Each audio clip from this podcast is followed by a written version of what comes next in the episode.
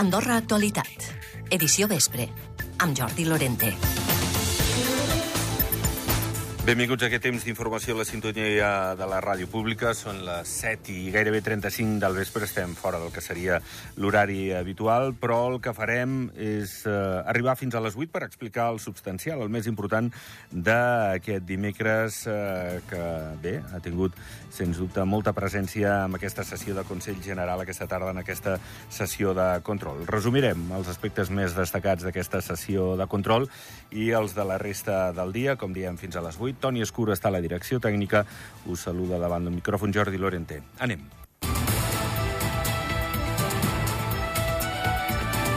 Ràdio Nacional d'Andorra. Serveis informatius. La situació dels dipòsits d'aigua del país, amb l'excepció de la Massana, és bona, ho ha assegurat Guillem Casal, el ministre de Medi Ambient, en aquesta sessió de Consell General que ha pogut seguir aquesta tarda. Ha dit que abans de l'hivern es disposarà de dos nous indicadors que permetran una millor gestió dels recursos hídrics. Escoltem Casal estarem en disposició de tindre dos indicadors, un primer indicador de sequera basat en dades meteorològiques i un segon indicador d'escassetat del recurs basat en cabals del riu, reserves d'aigua subterrànies i dades de dipòsits d'aigua potable. No? El govern vol crear una agència de l'aigua i que hi hagi una gestió coordinada. En aquest aspecte coincideixen, coincideixen també amb l'oposició. Escoltem el conseller general de Concòrdia, Jordi Casadevall i un cop passades les properes eleccions comunals podria plantejar la signatura d'un acord institucional amb els comuns en un format semblant però al mateix temps amb el mateix esperit de l'anomenat acord institucional del 2014 per crear un escenari de treball idoni al voltant de l'aigua.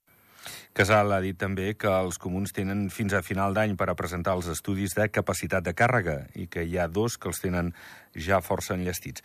I encara parlant de l'aigua, la Massana manté les mesures per estalviar-ne fins que el dipòsit de Grau Roig no arribi a un 70% de la seva capacitat. Aquest dimecres es trobava al 45,5%, són 5 punts més que un dia abans i malgrat que s'espera que les pluges puguin anar millorant aquesta situació, s'ha optat per seguir racionalitzant el consum. Així, és prohibit regar de la xarxa d'aigua potable, es controlaran els consums excessius i les fonts estaran tancades. A més, només es regaran els espais públics amb aigua del freàtic. I el govern no ha imposat cap sanció per incompliments de la llei del català entre el 2019 i el dia d'avui. En aquest temps ha incoat uns 300 expedients per aquesta qüestió. Així ho ha dit la ministra Bonell en aquesta sessió de Consell. Ha afegit que en la futura llei del català es preveu que els inspectors, que no siguin de política lingüística, puguin fer expedients en aquest àmbit. Des de Concòrdia i el grup social-demòcrata s'ha mostrat inquietud per aquestes dades. I anem a parlar de la situació de l'habitatge. El raonador del ciutadà s'ha mostrat contrari al projecte de llei pels lloguers presentat eh, per govern entre el dilluns i ahir a la sessió del Consell General. Assegura que va en contra de les recomanacions que ha fet i que són mesures que no busquen protegir l'arrendatari. Tot el contrari, sosté que el govern vol liberalitzar el mercat en pocs anys sense fer soroll. Ariadna Vila. El raonador del ciutadà s'ha mostrat contrariat en conèixer el projecte de llei dels lloguers que en regula la pròrroga i l'augment de preus presentat pel govern. Assegura que va en contra de les recomanacions que ha fet els darrers anys i sosté que no protegeix els arrendataris. Aquest joc eh, de fer, per una banda, dir fes que, que en realitat estem congelant 4 anys més, sí, eh, en alguns casos, però d'aquí 3-4 anys la mesura diu que el mercat estarà lliure. I això és el que és tremendament mm, alarmant. Marc Vila critica la idea del govern, segons ell, de descongelar els lloguers per d'aquí a pocs anys arribar a la liberalització del mercat, que considera perjudicial. Liberalitzar totalment el mercat és un error tremendament, tremendament greu. Per què? Perquè el campi que pugui que es pot muntar d'aquí un any, dos anys, tres anys o quatre anys, amb augments previsiblement enormes, podrà, serà greu per la cohesió social dels, del país. El raonador ha recordat que la meitat de les visites que atén tenen l'habitatge com a principal preocupació, quan altres anys era una de cada tres. Per cert, el raonador del ciutadà coincideix amb els representants de la Creu Roja i Càritas en què l'encariment del cost de la vida i especialment els preus dels lloguers estan precaritzant la vida de moltes persones. Un cop més, la gent gran i les famílies monoparentals són els més afectats. La puja del, del, del, del cost de la vida i la puja del, dels, del, de l'habitatge, que és un bé bàsic i fonamental per l'estabilitat psicològica, mental i mèdica de, de les famílies, doncs evidentment precaritza molt perquè toca moltes altres qüestions. Si tu tens, dediques massa diners als, al, al lloguer, doncs, ho has de deixar de dedicar amb educació, amb formació, amb estudis de la universitat, etc. No? Malauradament sí, estem a poc a poc creant eh, més precarització i més eh, dificultats per viure d'una manera més o menys digna. Per cert, encara hem de parlar de qüestions que tenen relació amb l'àmbit del Consell, el govern dona per tancat l'estat d'emergència sanitària que es va decretar per la pandèmia, segueix les passes de l'OMS i tomba totes les mesures que es van aprovar per reduir els contagis. L'únic que es mantindrà vigent és el programa d'atenció psicològica i el Laboratori Nacional d'Epidemiologia i encara també en qüestions relacionades amb la salut, l'exsecretari d'Estat Marc Galabert substituirà Montserrat Capdevila com a representant del govern al Consell d'Administració de la CAS. El nomenament es farà efectiu el pròxim 1 de novembre. Després es farà una nova reunió per decidir el nou president de l'ENS. Galabert compartirà taula amb la resta de representants dels assalariats, pensionistes i també empresaris. El govern, per cert, ha deixat sense efecte l'operació de lloguer de l'Hotel Bonavista de Sant Julià de Lòria per destinar-lo a pisos de lloguer a preu assequible una operació que s'havia de tancar per eh, gairebé 1.400.000 euros i que permetia disposar de l'immoble al qual s'havia de fer reformes durant 30 anys. Entre les condicions per fer-ho hi havia que la propietat presentés un aval del 5% del lloguer. En no haver-se produït en el termini establert, s'ha desestimat. Tota la informació a l'Andorra Actualitat. Ràdio Nacional d'Andorra, sempre al teu costat. D'altres eh, qüestions també relacionats amb la qüestió de l'habitatge, el govern invertirà de moment uns 3 milions d'euros per reformar sis dels edificis que aniran a preu assequible. Part dels diners sortiran d'una partida prevista per al multifuncional de l'any vinent. Els treballs haurien de durar entre un any i un any i mig i serviran per adequar els hotels Hermus, Pellicer i Font de Ferro, el complex Ribasol i els pisos del carrer Roureda de Sansa d'Andorra, la Vella i Verge de Canòlic de Sant Julià de Lòria i Alfons Albert, que ha estat nomenat magistrat del Tribunal de Corts amb dedicació parcial, ha exercit de fiscal general durant 12 anys. De fet, fins fa uns dies ha estat el representant del Ministeri Públic en el judici de la causa primera de BPA. Ara ha estat substituït pels fiscals adjunts. La vista oral d'aquest afer s'hauria d'acabar en les properes setmanes i almenys una trentena de treballadors peruans pateixen abusos laborals, però no ho denuncien per por de les conseqüències. Segons ha dit el president de l'Associació de Peruans en una entrevista a l'Avui serà un bon dia, la comunitat segueix creixent i això provocaria problemes per fer el reagrupament familiar. Pere Moliner. Encara hi ha empreses subcontractades que fan treballar residents peruans i d'altres nacionalitats en situacions abusives, però els afectats no ho denuncien.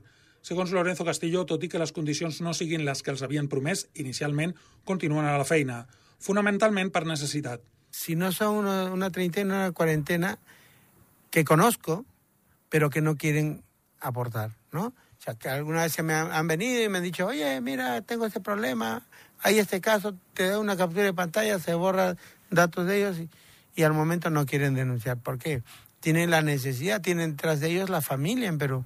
Castillo afirma que la comunitat peruana, que treballa sobretot a la construcció, seguirà creixent, alerta que hi ha empleats en situació irregular que podrien tenir, lògicament, problemes si volen portar al país la seva família. Es una situación que va creciendo y, y al final se va creando problemas. Esperemos que no, pero las consecuencias al final van a ser esos. Per a Castillo, aquest increment exponencial dels residents peruans faria necessari que hi hagués un consulat d'aquest país a Andorra. Detingudes a Espanya 13 persones pel cas de tràfic il·legal d'animals de companyia amb ramificació a Andorra. La justícia del país va enviar del país veí va enviar una comissió rogatòria al Principat per aconseguir més informació, ja que tindrien l'origen alguns dels animals i s'hi ocultaria part dels fons aconseguits. I a prop del ple d'ocupació hotelera el cap de setmana del Pont del Pilar a Espanya. Entre dijous i dissabte, els establiments de la Unió Hotelera van superar el 93% i la mitjana de la setmana es va situar per sobre del 66. Un pont que també es va veure beneficiat per la festivitat de la comunitat valenciana el dilluns abans, amb la qual cosa es van generar estades de més dies. La reforma del Palau de Gel, amb la nova piscina i els tobogans i la nova pista de gel reformada, la inauguraran al desembre. Les obres, pressupostades en 6 milions d'euros, s'han executat sense sobrecost. Aquestes obres estan, doncs, avançant a bon ritme, estaran llestes al novembre. Ara mateix, tant la nova piscina com la pista de gel es troben entre el 50 i el 60% de la construcció. Les instal·lacions s'inauguraran al desembre i a la piscina ja s'hi comencen a veure els nous tobogans. Les novetats del Palau tenen aquest cost de 6 milions d'euros. Ara mateix les obres es troben dins del pressupost. Finalment s'ha pogut evitar el sobrecost en la reforma de la piscina. Algunes reformes, però, s'han deixat per al 2025. La cap de Comunicació i Màrqueting del Palau de Gel, la Mary Pastor, en parla. Un dels projectes que s'ha plaçat per al 2025 és fer un dipòsit d'aigua per fer la recaptació d'aigua del sostre on es recapten les aigües fluvials i aquesta aigua s'aprofitaria doncs, per fer recs, eh, la neteja o per, o per als lavabos. L'eficiència energètica ha estat un dels aspectes més importants de la millora de la instal·lació.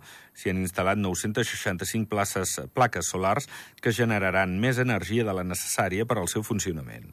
Amb aquesta energia que recaptem eh, produirem un 30% més de l'energia que necessitem. Llavors aquesta energia que ens sobra, entre cometes, aquesta energia la vendrem a FEDA. I d'aquí un mes s'estrenarà Bipolar, la primera creació de l'actor Jordi Troguet que parla de la inclusió de les persones amb malalties mentals, tot i no estar diagnosticada. S'estrenarà al Teatre de les Fontetes, on ja estan treballant amb la escenografia. Troguet torna, doncs, als escenaris set anys després per convidar l'espectador a compartir les pors, inseguretats i frustracions d'una persona amb bipolaritat. L'acció passa en una habitació de l'hospital, on el protagonista passa també per múltiples estats, des de l'eufòria fins al descobriment descontentament més absolut. Per això han comptat amb ajuda per fer-ho. Escoltem el guionista i actor de l'obra, el Jordi Troguet.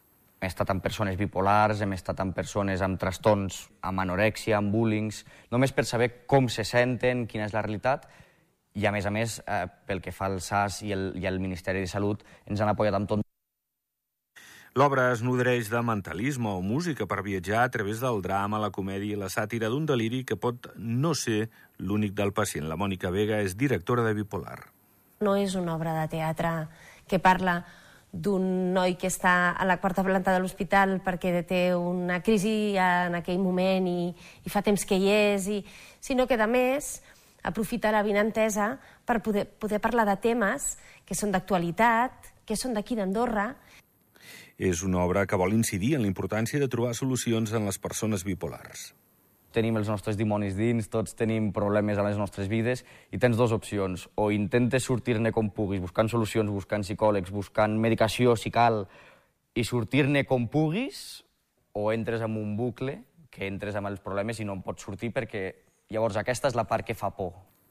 Bipolar s'estrenarà el proper 16 de novembre i es representarà cada dijous i divendres del proper mes. I estem parlant en aquest informatiu d'aquesta sessió de Consell General. Expliquem també que per evitar les situacions de col·lapse que va viure el transport públic la tardor passada, l'executiu avança els reforços, una previsió que s'ha pogut fer gràcies a tenir més dades sobre l'ús dels serveis. L'objectiu és prevenir les aglomeracions que van patir algunes línies, com les que van fins a Soldeu i el pas de la casa, arran de diferents factors, com ara l'augment d'usuaris, fruit de la gratuïtat del servei i l'arribada anticipada i abundant de temporers. Amb això fem una pausa, tornem de seguida. Andorra, actualitat. Informa't. Gaudeix. Emociona't. Som la pública. Som la nacional. Ho sents? Arriba la teva fidelitat té premi. La teva compra gratis. La teva compra gratis. Compra i guanya. Només amb la targeta client en compres superiors a 50 euros rebràs una butlleta per al sorteig de 200 carros. 200 compres gratis. Només fins al 19 d'octubre. Recorda baixar-te la River App i així tindràs tot a mà. Cupons descompte, tiquets compra, gestor de torns... River, més per a tu. Només Tot.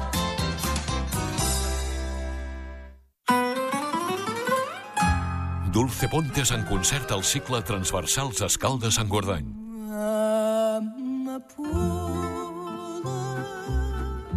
una de les veus imprescindibles al Fado, presenta aquest divendres 20 d'octubre Perfil, un projecte que uneix la música popular portuguesa, el jazz i la música llatina. Entrades ja a la venda a www.e-e.ad.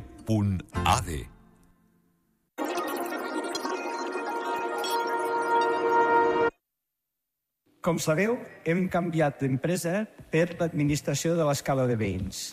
Ens ha trucat la nova empresa per demanar totes les dades dels veïns perquè l'anterior gestor no pot enviar-les. Les dades dels veïns que pugui gestionar un administrador de finques no poden ser compartides amb ningú sense el consentiment de la comunitat. Aquestes dades no són propietat de l'empresa de gestió, sinó de la comunitat de propietaris. Protegeix les teves dades. Fes prevaldre els teus drets. Agència Andorrana de Protecció de Dades. Nosaltres sabem lo important que és per a tu i els teus el vostre niu, així com l'arbre que el sosté. Per això, a Cent Mòbil, amb l'ajuda de les nostres marques, t'ajudem a alçar el teu niu, aportant-li confort i seguretat. Regar l'arbre i fer país és feina de tots. Ara més que mai. Cent Mòbil, especialistes en confort i descans. Carrer Riberaigua 41 i Avinguda Tarragona 34, Andorra la Vella. Telèfon 860 934. I fins aquí l'avui serà un bon dia a Ràdio Nacional d'Andorra. Demà de 8 a 12, més. Dijous, 19 d'octubre, a les 7 de la tarda, a Ràdio Televisió d'Andorra, retransmissió en directe de la gala de lliurament de premis del tercer Premi Àlex Giteres de periodisme esportiu. Amb els premiats, òbviament, i amb la presència de la periodista de televisió espanyola Paloma del Río com a convidada especial. 19 d'octubre, 7 de la tarda, als Premis Giteres a Ràdio Televisió d'Andorra. Vaig a preparar-ho. Adéu.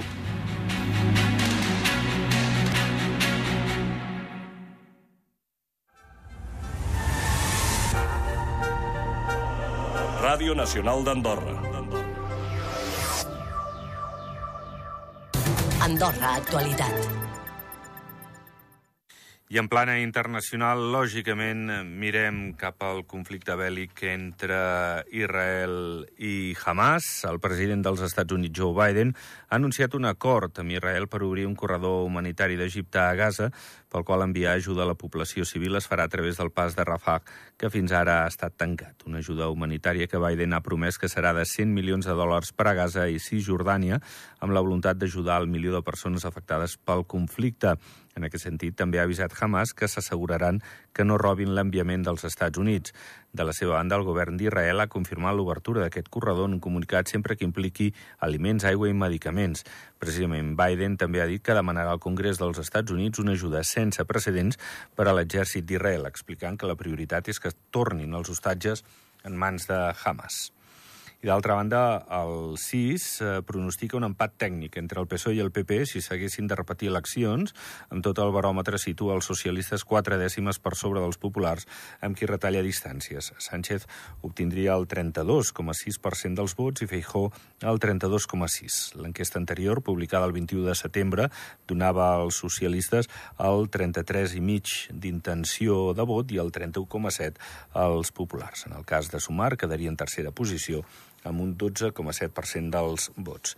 I l'explosió de la bateria d'un patinet elèctric va obligar a tallar el servei de la línia 2 de Metro Madrid en tots dos sentits durant 3 hores aquest dimarts a la tarda, uns fets que podrien empènyer les autoritats a prohibir l'entrada d'aquests aparells a la xarxa suburbana. Malgrat que no va haver-hi víctimes, les imatges del comboi que s'han difós en les últimes hores mostren com l'explosió va deixar destrosses importants al terra i les portes del vagó. Andorra Actualitat.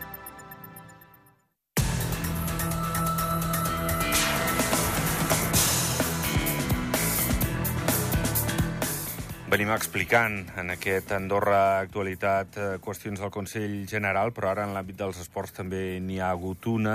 Era la referent al futur del Futbol Club Andorra, l'Estadi Nacional, la polèmica eh, entre Piqué, el govern. Mònica Bonell, aquesta tarda s'hi ha referit. Sergi Cano, bon vespre. Bon vespre. Doncs sí, una ministra d'Esports que ha reiterat al Consell General el suport del govern al Futbol Club Andorra, si bé ha confirmat que resten pendents de conèixer el projecte que els ha de presentar el club per acabar de tancar el grau de col·laboració. Espera que ho facin en les properes setmanes, la presentació d'aquest projecte, i que el club pugui seguir jugant al país. Escoltem Mònica Bonell. La nostra voluntat és que el Futbol Club Andorra, que és un dels clubs més antics que tenim a Andorra, i, i també és un esport el qual és el que té més llicències a Andorra, doncs pugui continuar jugant aquí al país. Però tot depèn també i això n'hem de ser tots conscients, i ells ho saben, doncs d'aquest projecte futur en el qual han, han de treballar i han de tenir, perquè si no és la mateixa Lliga Espanyola que no els deixarà continuar jugant a la categoria en la que estan jugant. Doncs a veure què passa, perquè les pròximes setmanes i mesos seran claus. Eh, per cert, un Futbol Club Andorra que està no res d'un partit oficial menor, eh? però oficial també, no? Doncs sí, a les 8 comença la semifinal, la primera semifinal de la Copa Catalunya, que organitza la Federació Catalana. Eh, ho fa al camp de l'Hospitalet, del municipal de l'Hospitalet, contra l'equip local. Eh, recordem que el Futbol Club Andorra és eh, l'actual campió d'aquesta Copa Catalunya. L'altra semifinal en, enfrontarà a partir de dos quarts de nou el nou Sardenya de Barcelona l'Europa de Marvales, de l'Andorra Marvales, contra la Unió Esportiva Olot. I més futbol. Cal saber, mm, segurament a les pròximes hores, si no avui demà, se sabrà el futur del Sant Julià, si podrà jugar a la competició o no. Doncs sí, perquè el comitè de competició no farà pública fins aquest dijous la sanció al club que podria comportar l'expulsió de la competició. Abans de tancar-se al mercat de fitxatges, el Sant Julià havia de presentar comprovants de no deute amb els jugadors de la temporada passada, però no van arribar. En un inici va autoritzar-se una pròrroga i el club va entregar alguns papers, malgrat que encara faltaven altres qüestions. Davant d'aquesta situació, el comitè de competició va donar dues setmanes més de marge. Aquest període va finalitzar dijous passat i els lauredians van enviar una carta demanant dos dies més. Fons del club han confirmat que divendres van aportar la documentació i ara caldrà esperar a la decisió del comitè de competició. Una resolució negativa deixaria fora de la competició un dels clubs històrics del futbol nacional. Cal tenir en compte que la segona divisió va engegar-se fa algunes setmanes i que els lauredians encara no havien debutat després de dues jornades. I el cas Fabio Rodríguez s'ha resolt amb la inhabilitació per més d'un any i el cessament com a seleccionador de l'Alfred Calero, no? Doncs sí, ha estat suspès més d'un any com a entrenador de boxa després de l'incident de la setmana passada amb Fabio Rodríguez, que va acabar amb el boxejador a l'UCI d'un hospital de Barcelona. A més, la federació va apartar-lo com a seleccionador, eh, seleccionador en una decisió ratificada ahir. Rodríguez va patir un cop al cap durant el torneig de l'amistat de la fa prop d'un mes i, segons els protocols, havia de descansar durant un mes. Tot i això, dijous passat va presentar-se al gimnàs de Calero per entrenar amb un sparring quan encara faltaven uns dies, uns 10 dies, per, entrar, per entrenar en contacte. Malgrat que la màxima responsabilitat és de Rodríguez, la federació considera que l'exseleccionador havia d'estar al cas. El boxejador, que evoluciona favorablement de la lesió, havia de debutar el 4 de novembre en una vetllada a Andorra la Vella. Finalment, el substitut serà Lorenzo Cucciara, també amb llicència andorrana, que competirà en un pes de 61 quilos contra un rival de Barcelona. És a dir, que eh, Fabio Rodríguez havia de debutar com a professional. Doncs aquí es tanca eh, aquest eh, cas eh, Fabio Rodríguez. Gràcies, Sergi. Bon vespre. Bon vespre. Andorra Actualitat.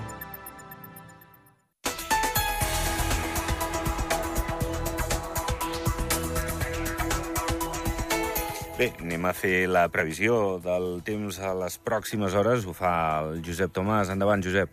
Aquesta nit i matinada els núvols han de ser abundants, pot haver algun plogim esporàdic, a l'espera demà d'una pertorbació activa, amb un descens de les temperatures i a partir de la tarda amb precipitacions abundants i generoses, fins i tot amb vent fort en alçada i temperatures que han d'anar a la baixa.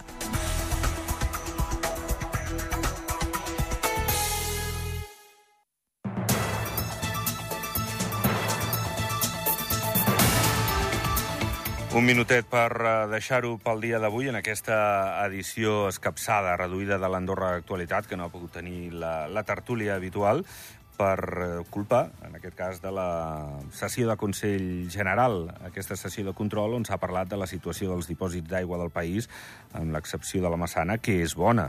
Ho ha assegurat el ministre de Medi Ambient, Guillem Casal, que ha enviat un missatge de tranquil·litat als ciutadans. També s'ha parlat del català. El govern no ha imposat cap sanció per incompliments de la llei del català entre el 2019 i el dia d'avui. En aquest temps ha incoat uns 300 expedients per aquesta qüestió. Per evitar situacions de col·lapse que va viure el transport públic la tardor passada, especialment en les línies que van a Soldeu i el pas de la casa, l'executiu avançarà els reforços, una problemàtica que ha posat sobre la taula el grup socialdemòcrata. Hem parlat també del raonador del ciutadà, que es mostra contrari al projecte de llei dels lloguers presentat pel govern i també ha parlat d'aquesta situació de la pobresa de moltes persones i especialment a l'hora de fer front al lloguer cada final de mes, al patiment que els comporta. Bé, hem parlat d'aquestes qüestions, d'algunes més, com els esports, les notícies internacionals i el temps. Ho deixarem aquí. Recordeu, la informació continua als butlletins horaris de Ràdio Nacional i demà des de ben d'hora al matí. Que vagi molt bé, molt bona nit, fins demà. Ràdio Nacional d'Andorra. Serveis informatius.